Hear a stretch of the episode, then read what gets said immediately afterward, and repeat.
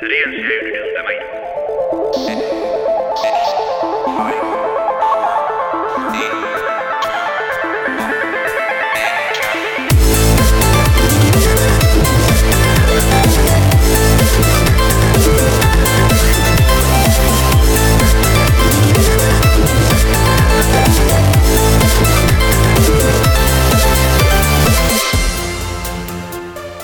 Pasaden egunetan bete den urte hurrena gogoratuz, ziurrenik komunikabide guztietan ikusi duzuen e, urte hurrena, konfinamenduarena. E, mm, egun, azken egunetan ba, ba bueno, ikusi ditugu e, nola aldatu diren gure aldatu den gure bizitza e, azken urte honetan. Momentu hori hartuz eta e, azken egunetako e, berrietara e, eramanez, ba, e, azken e, egunetan bai ikusi gu e, Mobile World Congressaren em, aurreko e, bueno, iritzia, enpresen, enpresen kankasu honetan, Ericsson, Nokia eta Sony irurek esan dute ez dutela e, Mobile World Congressean fizikoki egongo, e, udan ospatuko den pasaden e, programan komentatu genuen ez udaren hasieran ospatuko den Mobile World Congress horretan Bartzelonan e, Nokiaren kasuan e, online izango da eta Nokia eta Sony Mobileen kasuan ere e, bere aurkezpenak e, streaming bidez izango dira.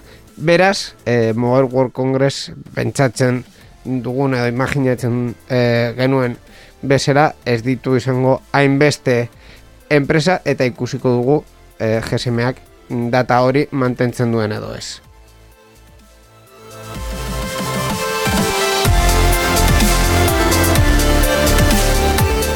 Eta hau komentatuta beste kontu izango ditugu sarean zehar irureunta amairu honetan, beraz, e, ongi etorri, saioa astriko dugu, minutu gutxitan.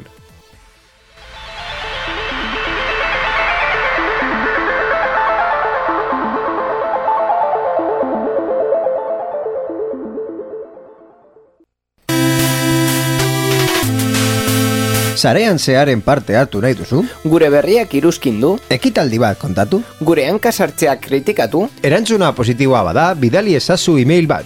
info abildua gure whatsappa 6 sortzi sortzi 6 sortzi 00 sortzi bederatzi da. Telegram ere daukagu, 6 sortzi sortzi, 6 sortzi 00 sortzi bederatzi. Gure Twitter eta Facebookeko profiletan idatzi dezakezu ere. Eta ez ahaztu gure asteko agenda. Informazio guztia sareanzehar.eus webgunean. Zuen mezuak itxaroten ari ditugu. Ah, bai? Bai.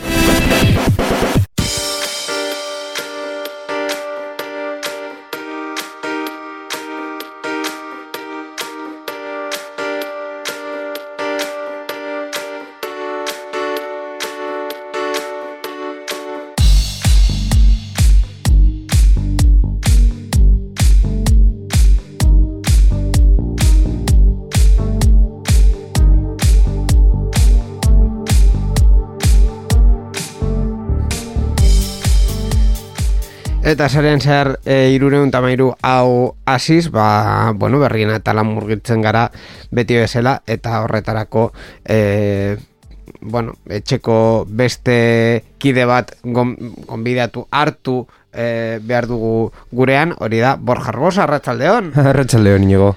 Ai, zelako astez, bueno, zelako egunak izan ditugu, bueno, e, gure bizitzaz e, aparte, e, azken egunetan e, hasieran komentatzen genuen bezala, e, konfinamenduaren urte urrena ospatu, bueno, e, gertatu da, eta e, hortik aurrera komunikabide guztietan gogoratu dute nola zein gure bizitza zen momentuan e, age, bueno, gertatu zen eta iragarri zen e, konfinamenduaren kontua eta bueno, e, urte bat geroago hemen gaude, maskai egin guztiok. Ni gauza bat komentatu nahi nuen kuriositate bezala, lehenik eta behin edizio hau irurunda mairu dela e, kapikua eta oso zenbaki em, bueno, zoritxarrezkoa, bai, normalean, Baina, e, beste gauza komentan nuen, uste dut, e, nire urteurren edo centenario bat e, ospatu behar dela, zen eta ni uste dut, e, okeres banago, nire lehenengo programa e, izan nuen e, zarean zearen, eunda amairu garren edizioan, ez e, ofizialki baizik eta elkarrizketa bat egiten Bai. zurekin e, kuki eta LSSI buruz hitz egiten, eta ja, e, e, irureunda amabos garren edizioa heltzen denean ja, ofizialki berreun programa egingo ditut. Bai, e, ala da, e, berreun saio betetzen dituzu gaur. E, mm, ja, berreun saiorekin e, e, e, adinez gaineko azara, ez da, ez dakit, ez, Ez, ez dago legerik hori esateko. Ez dago legerik, ez.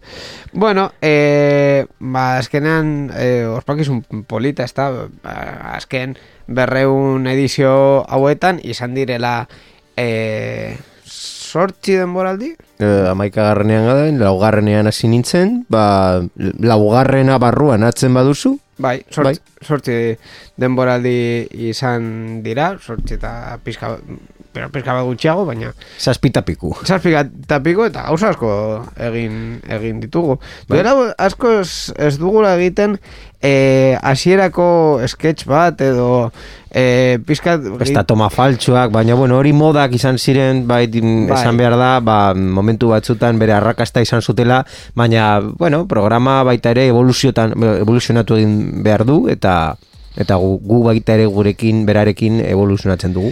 Bai, hori hala da eta bueno, azkenean eh, aldaketak egiten ditugu gutxika gutxika eh, ba bueno, saioa pizkat interesgarriagoa egiteko. Ba bueno, hau komentatuta eh, berriekin murgildu ber, berriekin sartu behar gara, berriekin murgildu behar gara eta eh, Bueno, berri bat daukagu, e, ziurrenik bidea ikusten dutenek e, nabaritu dutela. E, gure em, laguntzaile maitia laugarren kamera jartzea nahi badu, ba, hemen, he- hemen gaude e, irurok, e, nire kasuan, jarri nire kamera mesedez, nire kasuan hemen orain izkinan e, nago, eta ez daukat eser kontrolatzeko portatila eta jazta hemen daukat nire irudia, e, gidoia eta punto, ez daukat eser gehiagorik, e, eta, bueno, zure kasuan borja beti bez. Irureun da mairu programa, eta hau da, e, soinua e, ez duzun kontrolatzen, bigarren aldia. Bigarren aldia. Lehenengo izan zen, e, zu kontrolean egon zinen edizio batean, ez dudala gogoratzen noiz izan zela, eta... Ez duzula nahi, gogoratu. Ez, e, e, egia esan da ez dugu, ez, ez dugu gogoratzen. Ze- Uste dut denboraldiaren bukaera bat izan zen, Bai. eh, ez dakiz zeia denboraldiaren bukaera, baina hortik egongo da, Bai. eta ez, ez zen hain, hain txaratera. Bueno, es que eh, orain ez, eh, bueno, momentu horretan ez genituen hainbeste gauza berezi egin, orain bideoarekin eta gainera eh, jartzen badugu berri askarrak eta ez dakizer eta hainbeste gauza, Ai, ba bueno, eh, ba hori, eh, kasu honetan urrengo ediziotan el laguntza izango dut eh, alde teknikoan, beraz eh, nire irudia aldatuko aldatuko da. Orain irudian begiratzen ari naiz nire nire nire kamiseta de, dela Bilboiriako, a ber, Bilboirikoa norantz- bai. norantza botatzen dut mikrofonoa bai, Bilboiriako eh, kamiseta, eh, movida hau mm, eh, hor jarraitzen du, azkenean eh, lizentzien eh, gatazka ez da eh, konpondu eta jarraitzen dute lizentziarik gabe, eh, eduki oso ona eta oso duina egiten eta esfortzu kolektibo oso handia egiten, baina eh, Eusko Jarlaritzako badirudi ez badiren e, irrati komertzialak, ba ezin, ez, ezin dutela lizentziarik eman. ba ondo dago bai hori aitortzea. aitortzea eta eta gogoratzea. Eta hau guztia kontatuta, jar, sartuko gara beste kontu batzuetan, gure superheroi maitia gomidatzen. Ezta? Bai, hor dasgoa. Guazen horra.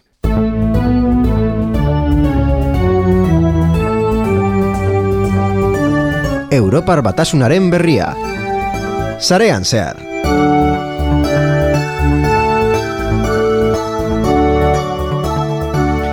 Eta Europar batasunaren berrian, e, kasu honetan sartuko gara e, Apeli buruz hitz egiten eh, azken egunetan Europar batasunean eh, prestatzen ari direlako Apple hausietara eramateko, baina kontua da zergatik, zer gertatzen ari da hemen. Zer gertatzen ari da, zer gertatzen ari zen inigo, goratzen duzu nola kontatu genuen pasada den denboraldiaren bukaeran Epic Games eta Fortnitearen arloan gertatu zen borroka, bueno, ez bakarrik hemen, baita ere komentatu genuen eh, Gaming Roomen, ba, batez ere, baina eh, hortik atzera juten gara 2000 eta amaseiko udan hasi zen borroka hau. Spotify kexu zen apelekin bere ordainketa pasabidearen ustaitik pasatzera behartzen baitzuen Apple Storen egon nahi bazuen. Hor, noski esan nahi zuen Spotify arpidetza bakoitzeko diru sarrera horien euneko hogei tamarra ordaindu behar zuela hilean. Gutxu gora bera gogoratzen du. Duela bost urte eta piko izan zen, baina bai, gutxu gora bera bai. Ba gauzak ez ziren hobetu urren urteetan eta Spotify Apple ausitara eraman zuen 2000 eta emeretziko martxoan. Financial Times egunkariak jakitera eman duenez, Europar batasuneko ikerketaren arabera Appleen aurkako karguak aurkeztu dituzte App Storeren nagusitasunagatik. Eta, eh, kontatu genuen bezala, 2008ko irailean, gogora, dezagun, Epic Gameseko zeok Appleko arduradunei mafioso batzuk izatea leporatu ziren, eta beste amar enpresa bildu zituen, hor zegoen bai, Spotify eta baita ere adibidez Tinder, Bai, e, izan ziren, jarra, a, hau jarraitu zuten ia biak. ba, ez, ez, bi- bi amar enpresa hor Bai, baina, bildu zituen gehiegizko tasa horrengatik kexa korala egiteko. Hau da, ezagutzen ditu, ditugunak, bai, eh, Spotify edo Tinder, Esto- es- isa kurioso hor- da. Hor egon ziren, Spotify, Tinder, Epic Games, eta beste, eta beste inor,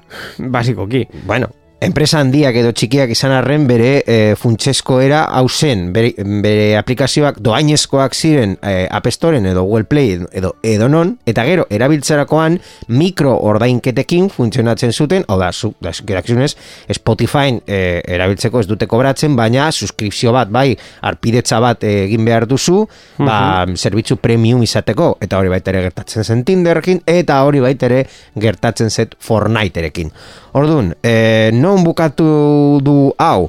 Ba, e, noski, e, Applek e, hor e, kexa hori e, bihurtu zuten e, salaketa batekin, eta bere, bere kondizioak e, salatu zituzten, hau da, diru sarreren euneko hogei tamarra geratzen zen lehenengo urtean, eta gero euneko amabosta, beraiekin negoziatzeko mm, aukera ez bazenuen. Adibidez, Amazon baita ere horrelako sistema erabiltzen zuen, baina Amazon negoziatu, eh, negoziatzea lortu zuen honelako eh, komisioak mm, beherapenak lortzeko. Claro. Orduan, e, enpresa horiek guztiek gehiegizkotzat jotzen zuten tasa hori eta Apple atzera pausu txiki bat ja eman zuen pasaden e, azaroan. Iragarri zuenean tasa hau euneko amabostera geisten zela hasieratik baina garatzaile txikientzat bakarrik. Orduan ja, e, ogoera, benetan arazotsua ikusi dute Kupertinoko erraldoiak, estatu batuetan baita ere, hausitara eraman baitute eta orain bate erresuma batuan ere ikertzen ari direlako. Orduan, e, investigazioa hor dago, Apple eta bere atzean baita ere Google etorri da horrelako praktikak esanez, bueno, mm, kontraeraso bat egin behar dugu, e, salaketa hauek erantzun bat eman behar diogu eta kontatu dugun bezala lehena izan zen App Store orain dela hilabete batzuk ba dendan kobratzen dizkieten komisioek horiek heiz, jeitzi zituen baina bakarrik mm, kasu batzutan komisioa erdira jeitzi da euneko hogeita marretik euneko amabostera eta Google, esan dudan bezala, Appleen atzetik jarraitzen du, eta ustaiaren lehenetik aurrera, baita ere bere Play Storeko aplikazio garatzaile kobratzen dien tarifa murriztuko duela iragarri du. Baita ere, euneko hogeita marretik, euneko amabostera, jaitziko du, garatzaile bakoitzak aplikazio dendan urtero fakturatzen duen lehen milioi dolarrengatik. Begira, ba, azkenean e, mm, Epic Gameseko kontua e, aldatek, aldaketak zorra ditu, baina e, egia da ere Europar batasunak zerbait ikertzen hasten duenean, ba, bueno, e, ezin diogula e, uko egin berri berri honi. Horrek ez du esan nahi Apple ez duela e, izun bat jarriko, e, iz- izun bat e, jasoko barkatu. Bai. E, baina mm, gutxienez bere mugimenduak hor hasi dira e, egiten saiesteko. Mhm, ba ikusiko dugu orduan zertan geratzen den hau.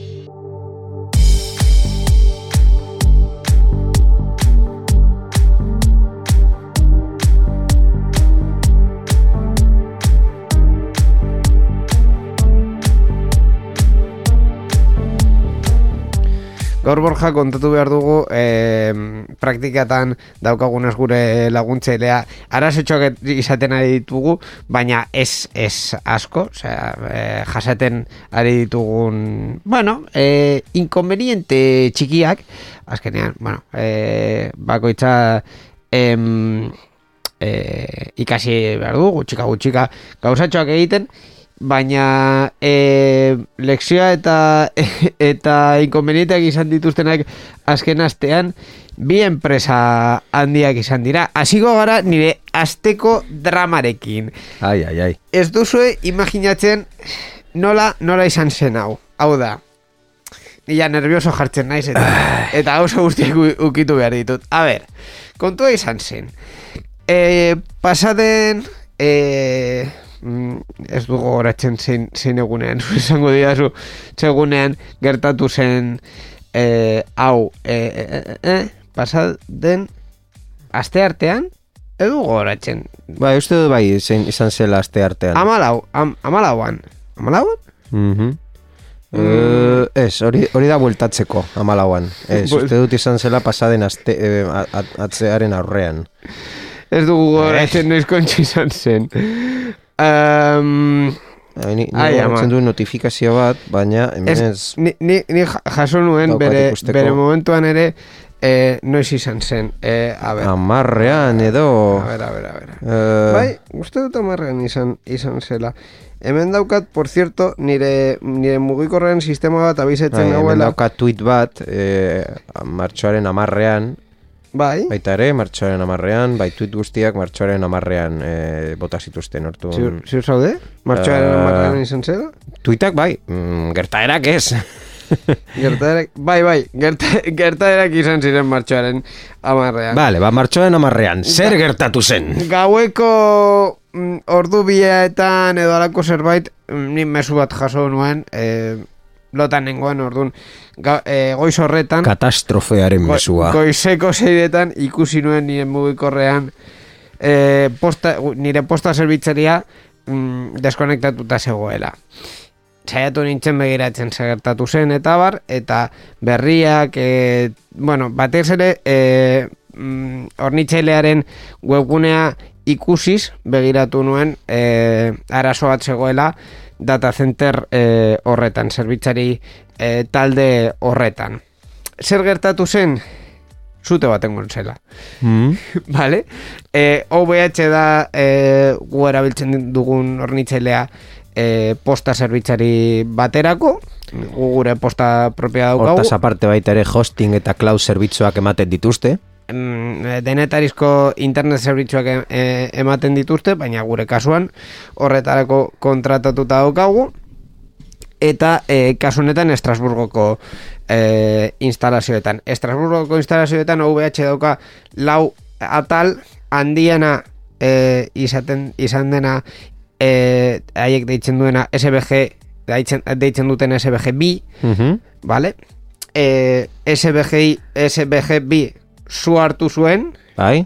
e, eta ez zuen zu hartu horrela e, lasai eta motel mm, sekulako estandaiz egon zen eta gero zutea eta e, Hau, ta- eraiki- hau izan zen interneten Txernobil. Bai, bai, eta in, internet eta eta zerbitzari guztiak e, eraikin guztia zu hartu zuen. Hor egon e, hor e, zeuden e, zerbitzariak eta datu guztiak pikutara egon dira, Mhm. vale? Baina zorionez gure posta zerbitzaria SBG lauan zegoen. Orduan, momentuz, salbatu dugu kontu, kontu hori. E, Bueno, berriak esaten zuen arabera, SBG bi, hor esan, esan duzun bezala, e, zuak bat kiskali du hori, bai. eta beste bloke bat larri kaltetu, eta beste biek, ba, bez jasan ditzaketen ondorioen beldur zegoen. Gero Claro. ja konpontzen hasi ziren. e, SBG gainera enpresak e, e, e, asko erakutsi zuen e, montatu zutelako kontenedore, e, barkuko kontenedoren e, mm, satiekin eta eraikin oso inteligentea eta oso jasangarria e, zen eta, bueno, sekulako eraikin e, ikonikoa e, montatu nahi zuten horretarako.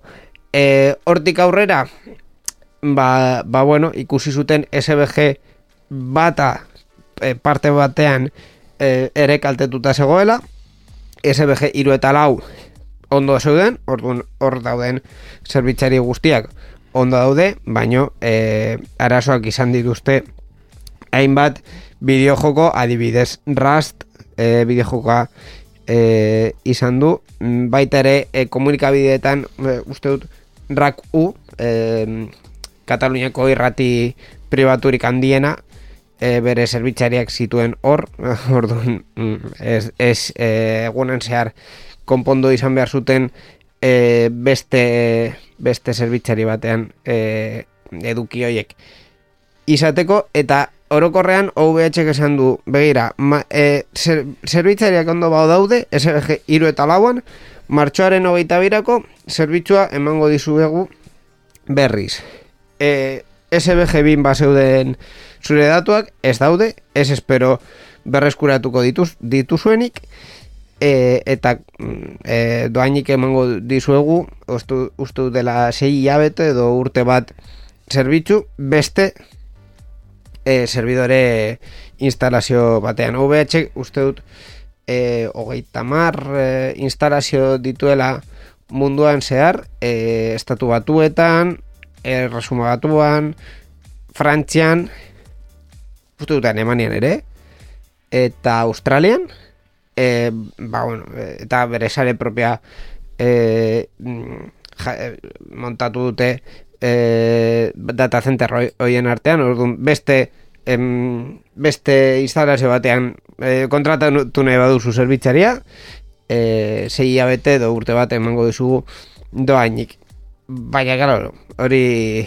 hori izan zen egoera latza e, momentu horretan e, jasan genuena. Gure kasuan segin dugu ba, beste proveedore batean kontratatzea beste zerbitzari bat eta momentuz horrekin konpontzea ez da zerbitzari oso potentea orduan nahiko, nahiko kaskardoa eta aldugunean e, gure zerbitzaria ondo dagoenez bueltakotuko gara e, oiko zerbitzu horretara Ni galdera bat daukat bakarrik. ez aidazu Orduan zertarako suposatzen da daudela zue bakiak. Gazteleraz esan da, kortafuegos.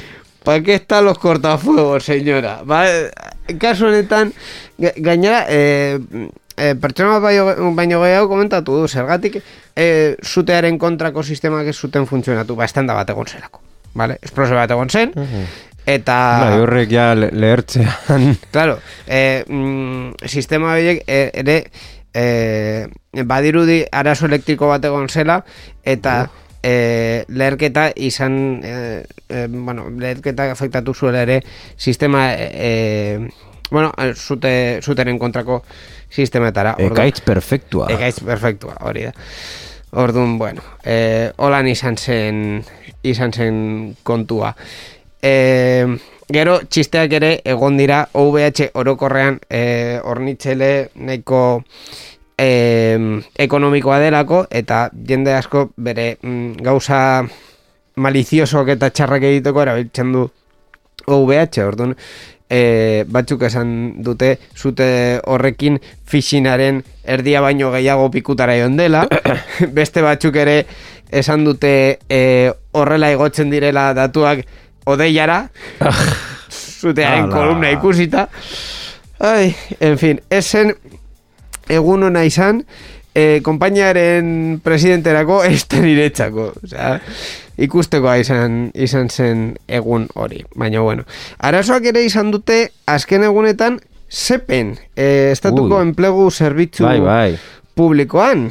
E, en fin, mobidak egon dira, e, uste dute komunikabide guztietan Mhm. agertu direnak, eta, eta bueno, e, beste urteetan ere gertatu diren batzuk em, gogoratuz. E, uste dut bere momentuan e, Telefonikarekin baita ere Itxegin genuela telefonika eta kadena zer e, afektatu berriro ere zuten ransomwarea erasotzen du. hori da.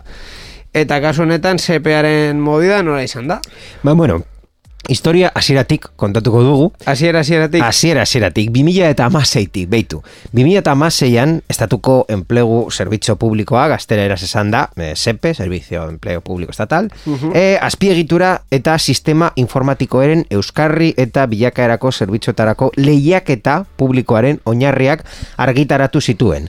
E, lehiaketa honen zenbatekoa izan ziren amairu mila milioi eurokoa edo amairu amairu- amairu milio- amairu milioi irureun mila euroko Bai, barkatu, amairu milioi irureun mila. Mm, puntu koma bezala hartu dut. Ai, ama. Helburua zen seperen azpiegitura eta sistema informatikoen eta komunikazio sistemen euskarria eta bilakaera ematea, bai, eta kalitate, arkitektura eta segurtasun zerbitzuak ematea ere. Erakundeak, ba, emandako zerbitzuen euskarria ematen dietenak. Dirudienez, Nar- amairu milioi euroiek ez dira izan nahiko, eh, hogeita hamar urte ekipo informatiko berritzeko edo Bai. dena ondo babestuta edukitzeko gutxienez ikusi dugun bezala ordu gutxi batzuetan sistema altxatzeko segurtasun kopiak izateko eta improvisazio eta lardaskeria absolutuaren sentsazioa ez emateko. Antza Ba- denez, bai? Badakigu nor e, irabazi zuen konkurso publiko hau? Uh, Indra? ez dakit eta horrela bota dut. Ai, ama, izan liteke, eh? Ez- ez- ez daki- Egia esan da izan liteke. Esan, esan. Edo telefonika, agian ja, Jode. gauzak ikusi. Borja, ez, di, ez ditugu lagunak egingo programa honetan, eh? ez, ez, ez genituen egiten orain arte, orduan. en fin. Bueno, esan dugun bezala ransomware motako malware bat, eh, lan ministerian menpeku esen, CP honetan, sistema informatikoetan, sartu da. Hasiera batean, langile guztiek berehala itzali behar izan zituzten ordenagailuak, ba, momentu honetan, virusaren edapena saiesteko, eta une horretatik aurrera, ba, langileak desinfekzio prozesuarekin eta segurtasun kopiak zahar berritzearen hasi ziren.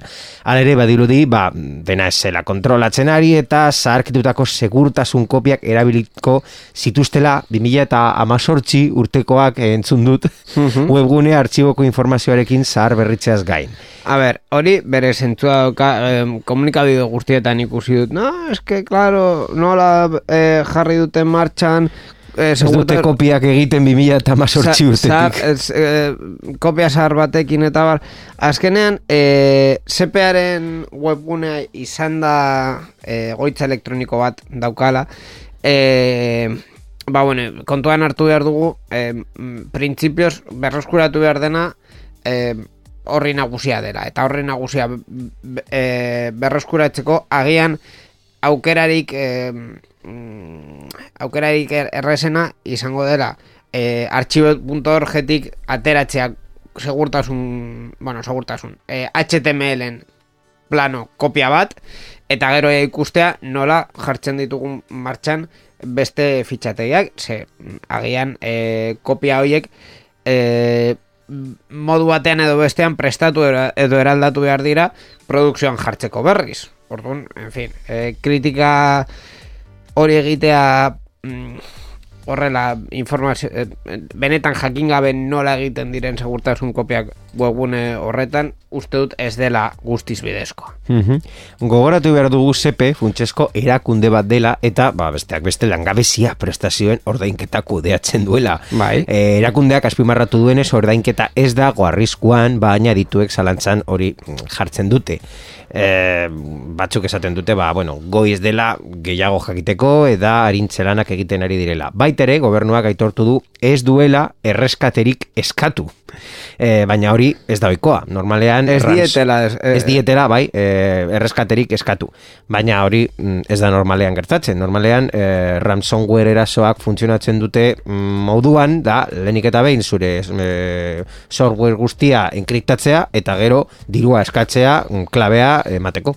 Bueno, Hor- hor- Hori da oizko modua. dena den... Ni ezagutzen dudana gutxenez. Dena den, e, kadena zerreko kasuarekin ikusi genuen bezala, aste asko e, mm, iranduko du prozesua ordenagailu berriak, or, ordenagailu guztiak mm, eguneratu eta eta martxan berriz jarri arte, orduan e, gutxika gutxika ikusiko dugu zer e, ikusten duten e, teknikariak kasu, kasu honetan sepeko webgunearen jakea dela eta. Bai, e, bukatzeko esan behar dugu, ba, lan ministeriotzak kriptologia zentro nazionalera jo behar izan duela erasoa detektatzeko prozesuan eta hartu beharreko neurrietan euskarria eskatzeko.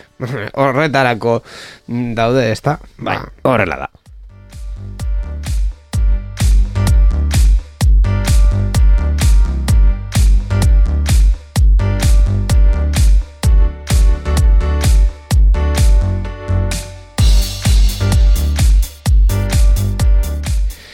Eta beste kontuei buruz hitz egiten, Wikipediari buruz eh, hitz egiten jarraituko dugu. E, ordainpeko bertsio bat garatuko dutelako.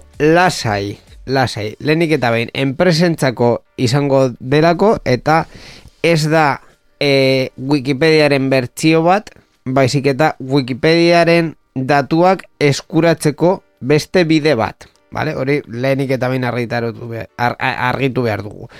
Hortik aurrera, Borja? Ba, Wikimedia Foundation, Wikipediaren atzean dagoen enpresa, e, ordainpeko zerbitzu berri bat, mm, ba, esan duzun bezala, sortzen ari da, eta Wikipedia Enterprise izango du izena, e, aukera berriak eskainiko dizkie, edukia erabiltzen duten enpresei. Gaur egungo doako zerbitzua ez da esertaz aldatzen, baina Google edo Facebook bezalako erraldoiek informazio eguneratuagoa eta beste funtzio batzuk lortuko dituzte.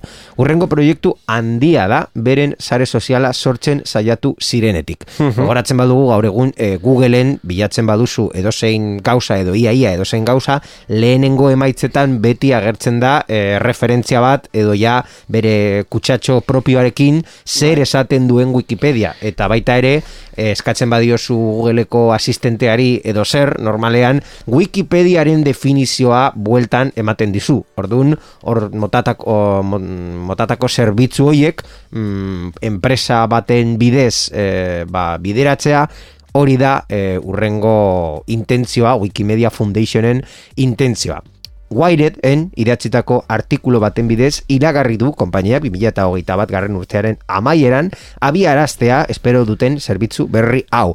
Zerbitzuak nola funtzionatuko duen erabat argi ez duten arren, Wikipediaren egungo apiaren premium bertsioa izango dela diote, eta Wikipediako apiak Googleri aukera ematen dio, ba, kontzeptu baten laburpen askar bat erakusteko bilatzailean bilatzean kontatu dugun bezala. Badekizu nor eh, aterako duen ere etekina eh, hobekuntza honetatik. Don't call my name, don't call my name. Alejandro. Oso ondo, oso ondo hartu du Ai. txistea gure gure Ez nuen espero ja hori. Oso ondo, bai, bai, Alejandra ere. Ai, ama. Bai, jarraitu, jarraitu. Bueno. Hau zen bakarrik eh, zuzapaltzeko. Vale, Wikipediak dio bere ordainketa zerbitzuko bezeroek askarrago eskuratu ahal izango dutela informazioa edo formateatuta behar dutenaren arabera.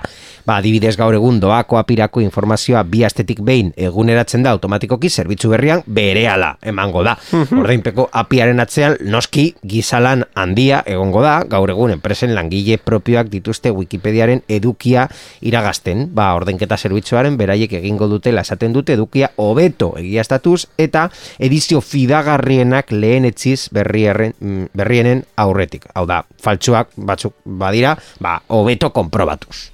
Claro, azkenean hori eh, egin aldute edizio konkretu batzuk markatuz eta esan ez, bueno, edizio honetan badakigu informazio fidagarri dagoela, hortik aurrera egiten diren edizioetan ba, agian esain beste, eta e, e, noiz behinka edizio fidagarri berriak proposatzen eta eta markatzen. Bai. Sistema oso interesgarria izan daike hau. Eta horrela saiestuko dute jende asko Wikipediari buruz daukaten irudia. Mm, Batez ere, ba, nolabait egin da, da norbaitek edo nor e, Wikipedia aldatu alduela eta jartzen duena ez duelako inungo mm, Az, fidagarritasunarik. azkenean hau izan daike e, nola egin e, ordainezko zerbitzu bat e, mm, barkatu, no, bai, nola egin or, e, doaz, doako zerbitzu bat hobetzea ordainezko zerbitzu batekin. Hau da, Mhm. e, ordainezkoa martxan jartzen dut, baina doakoa ere e, etekina edo, edo e, benefizioa e, jasotzen du e, hobekuntza hoietatik. Orduan, ba, bueno, e, kasu honetan esango Ondo dago horri esker e, Wikipedia hobeto sustatzen bada, hau da, hobeto mantentzeko dirua badauka. Ba, e, em, diruak badaude, ba, hori.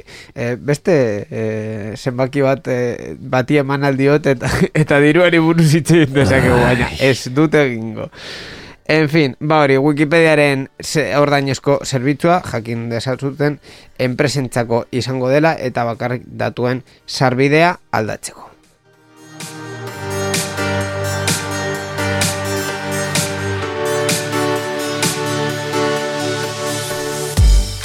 Eta beste berri batzuetan sartuko gara, baino ez, ez berri askarretan pizka bat e, luzetxoagoak, baino ez e, bereziki luzeak ez dira mm, formatu handikoak izango. Adibidez, Twitterrek e, txioak desegiteko botoi bat jarri du proban.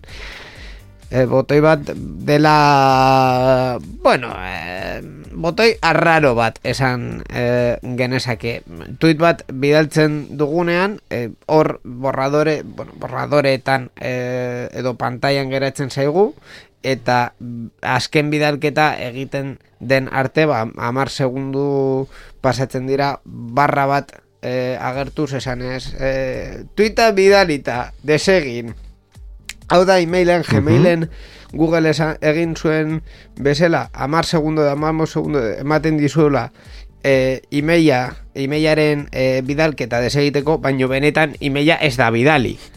Vale? Hor, hor geratu da, eten amar segundu, eta gero aia bidaliko da. Bai, sistema horri esker, ortografia akatsak dituen txio bat, modu askoz errazagoan zuzendu ahal izango da, eta pertsona batzuei, ba, segundu estra hoiekin, eman mm, dituzte, barkatu, Bai. bere argitalpena piztuta argitaratu ala ez hausnartzeko, baita ere ez Ah, dela bai. ideia txarra Bai. momentu hoi Bai, bai. oso beroan, oi, oi.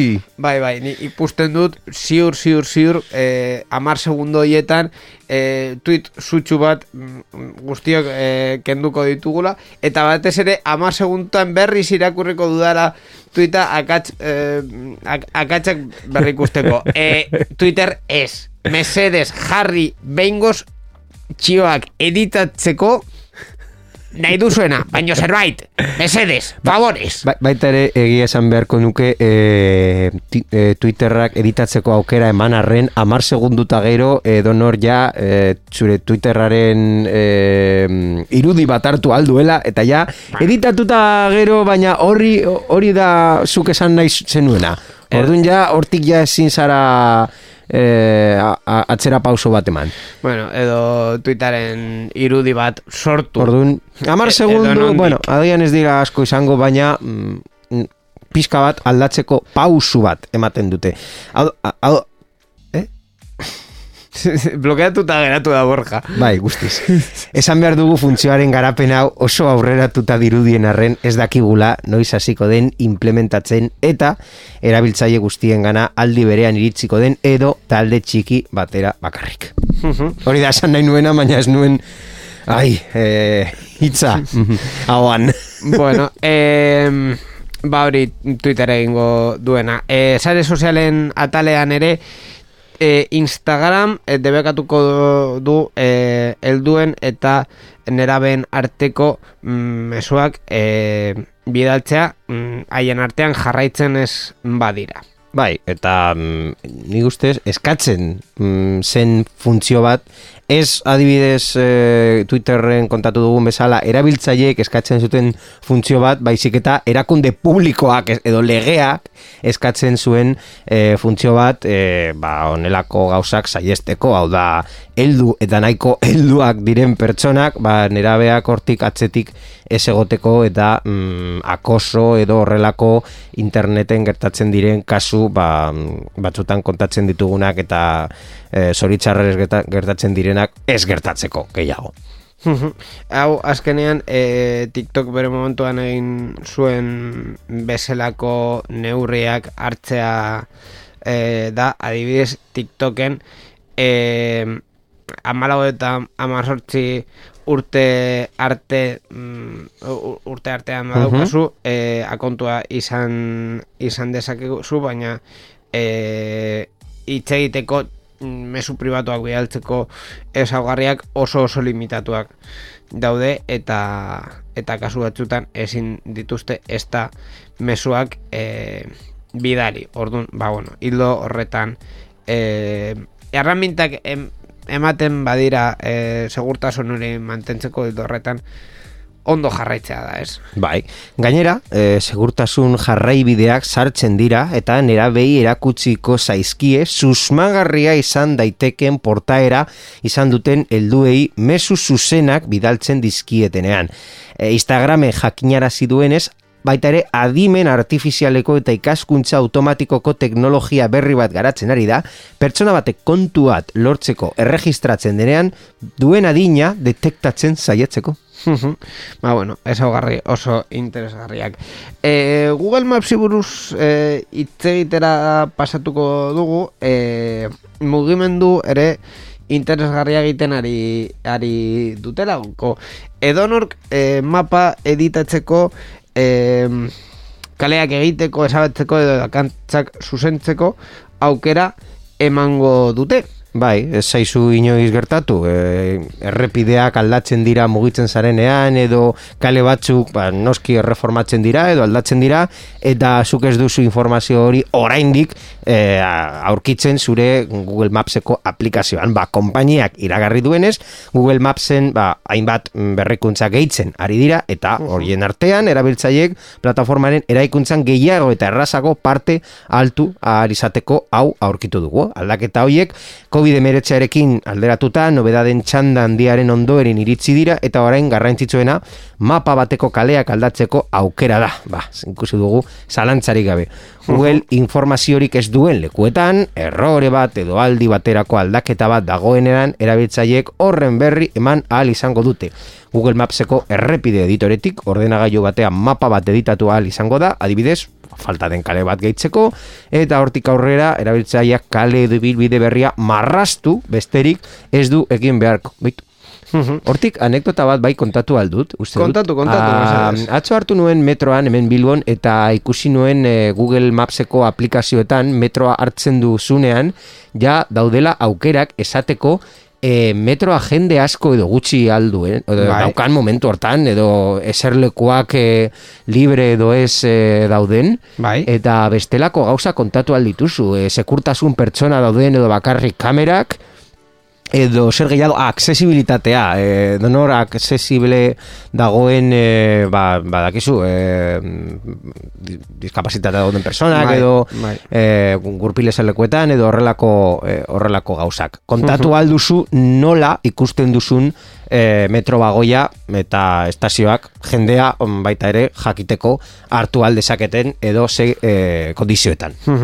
E, mm, Googleen berrikuntza hau esan behar dugu ere duela urte asko e, jarrita dagoela OpenStreetMap sisteman. Mhm. eta OpenStreetMap e, bueno, dela gutxi gora bera mm, Wikipedia bezalako zerbait, baina mapa bertsioan eta OpenStreetMap horretan ere edo nork edizioak egin e, egin ditzake nahiko nahiko ondo doa orokorrean eta e, gaur egun mm, e, beste e, lekuetan ikusi ezin dituzun gauzak OpenStreetMap horretan e, agertzen dira beraz e, ba bueno e, edizio hori edo aldaketa horiek e, guztiontzako informazio e, hobea izateko bada, ba, ondo dagoz. Bai, eta bukatzeko Google Mapsera laster iritziko den beste aldaketa handi bat argazkiak plataformara gehitzearekin lotuta dago.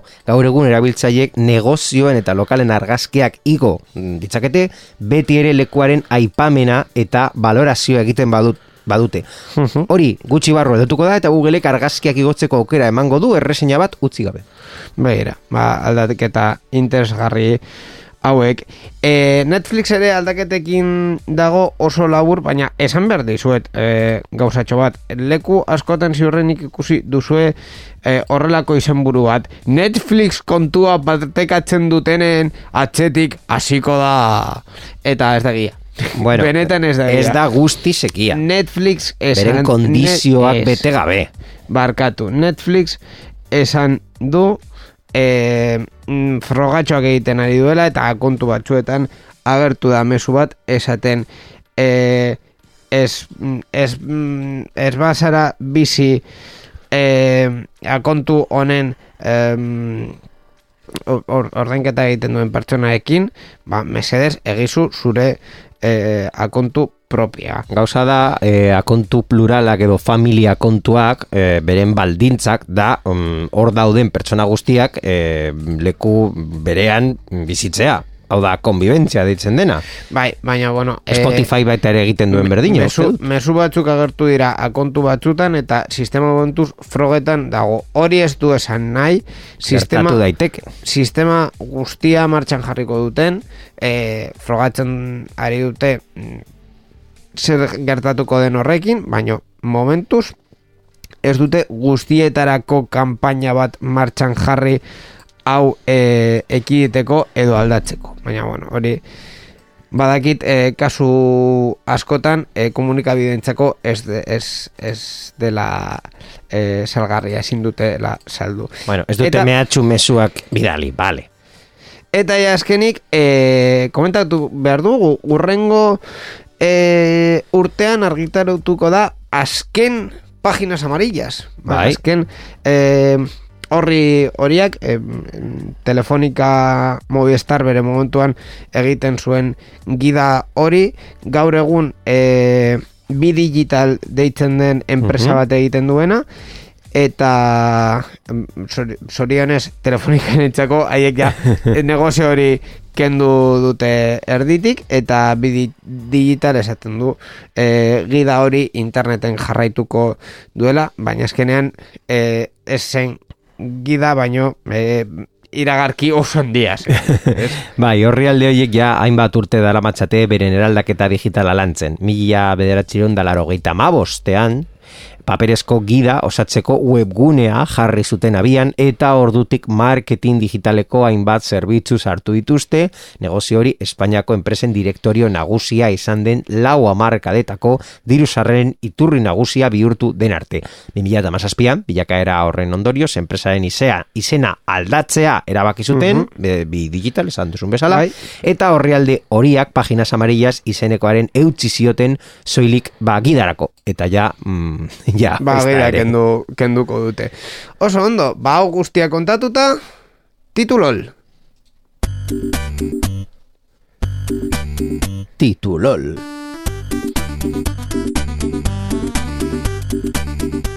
titulolen badakizue nire harridura, sorpresa edo dena deakoa bilatzen duela Borja eta gaur, ba, egia esan da, beste programetan bezera, ez da komentatuko didan, baino ikusiko dugu eta entzungo dugu. Borja, zer daukazu gaur nire harridura ateratzeko? Bueno, ba, gaur Twitch buruz hitz egingo dugu. Oh, begira, kasualitatez Twitch Buruz. zerbitzuan zuzenean gaude twitch.tv barra euskadigital akontuan, en fin.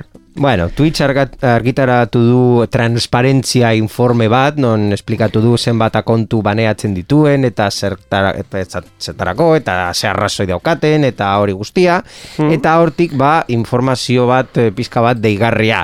George Davidson, streaming plataforman George Not Found bezala, ezagunagoa, bi aldiz jarraian baneatu dute Twitchen azken egunetan. Arrazoia, Twitchen arabera, bere kontuak izen desegokia erabiltzen du plataformako beste pertsona baten nortasuna bere ganatzeko. Go- Ze eh, nortasuna? Berea. A ber, a ber, a ber, eh, hau ez dut ulertu. Zer gertatzen ari da honekin. Ez ari da, Hau da, arrazoia ingelesez esan using an inappropriate username in your channel profile. Bai. Hau da, bere izena ez dela aproposa zen barre egiten zuen edo akosoa egiten zuen beste pertsona bati. Baina pertsona hori bera zen. Orduan, eh, pertsona honek, Georgek, eh, Twitterren hasi da Baina- kontatzen esan, esan historia. Duzu, barkatu, esan, esan duzu eh, erabiltzailearen izena zela George not found. George Not Found. Ze, ze, ze, ze arazoa dauka horrekin. Ez dut ulertzen. Bai, e, pertsona honek daukala bi akontu Twitchen, bere Bai. batez ere akontua da e, principala dela George Not Found eta bigarren akontua This is George Not Found. Orduan, esaten du batak bestearen e, lekua suplantatzea nahi duela. Vale. Hombre, Edo e, izen bat izatea e, beste pertsonaren izena e, ofen, ofenditzeko edo insultatzeko edo e, barre egiteko. Eh, Hori da, mm, Twitchek argitaratu zuen arrazoia. Ah, claro, a ber, mm, bigarren kontuare, bigarrena kontuaren izen bezala ez da oso eh, oso ona, ez da oso aproposa. Ordon, eh, George Not Found hau eh, bere bigarrena kontuari deitzen badio George uh, Yes This is Found not George Found, not ja, found. baina, baina aldatzen Ba, badio is izena eta kontua. Aldatzen badio izena eta bar, baina this is not ez, ez, ez da oso polita geratzen. E, ulertzen dut zergatik. E, azkenean, egia da arauak ez direla honetarako, baina ulertzen dut mm, e, Sistema automatikoa nola funtzionatzen duen. Eta, eta sistema horretan, ba, hau e, mm, es, excepzio edo, edo kasu limite bezala agertzea. Ba, egun pare batez, beraz, George baneatu egin zuten, baneatu, berriro baneatu, eta azken aldiz baneatu. Hau da, jarri kendu, jarri kendu oso egoera nahasia da, eta e, galdetu dezakegu ea Twitchen norbait konturatu ote den baneatzen ari zein pertsona benetan jasartzen ari zela uste zuten bera. Claro, eh, ziurrenik mm, sistema automatiko bat egongo zela, Mhm. bane hoien atzean eta azkenean, ba bueno, ez dutela eh, ez dutela kontrolatu. Kuriosoa. Edo ez dute mm, pertsona bat ez duela begiratu hori. Eh, informe horretan zerbait gehiago ikusi duzu horrela barregarria edo horrelako zerbait? Ez, nire berria hemen bukatzen da. Zure berria hemen bukatzen da, ba, zure berria hemen bukatzen bada, berrien atala ere hemen bukatzen da. Irratsaio hau Creative Commons aitortu ez komertziala partekatu berdin lau nazioarteko lizentziarekin banatzen da. Horrek esan nahi du gure edukiak nahi beste partekatu ditzazkezula. Informazio gehiago nahi baduzu josareanzehar.eus webgunera.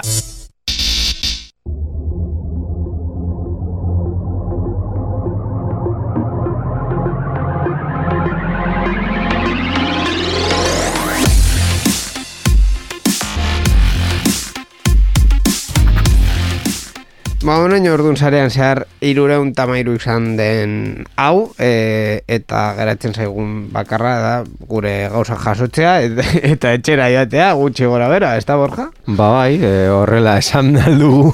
Bai, horrela, horrela da, baino, bi aste barru berriz ere hemen egongo gara teknologiari buruz hitz egiteko. Borja, e, lagun mina eskerrik asko eta bi aste barru, ba, berriz hemen jasoko dizut ba, teknologiari buruz hitz egiteko. Eskerrik asko inigo irureunda amairu garren edizio honetan egoteagatik edo nik esaten dudan bezala berreun edizioa bej, borja eta gero. Berreun edizioa, borja eta gero, oso ondo.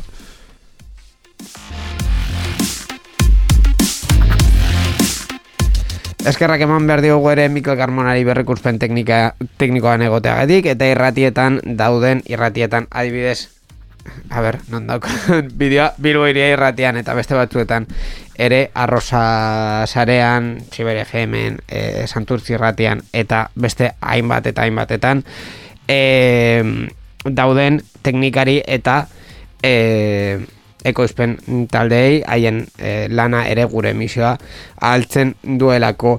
Gu e, esan dagoa bueltan egongo gara bi aste barru, baina bitartean sarean zehar puntu eus webgunean gaude, eta baita ere Twitterren Facebooken e, Facebook zergatik epatzen dut hemen Facebook ez dut ulertzen borjar zergatik epatzen dut Ah, ni kontatuko diazu. ez dakit Twitterren eta Telegramen sarean zehar gara eskerrik asko e, gurekin egoteagatik eta bi aste barru. Gehiago aio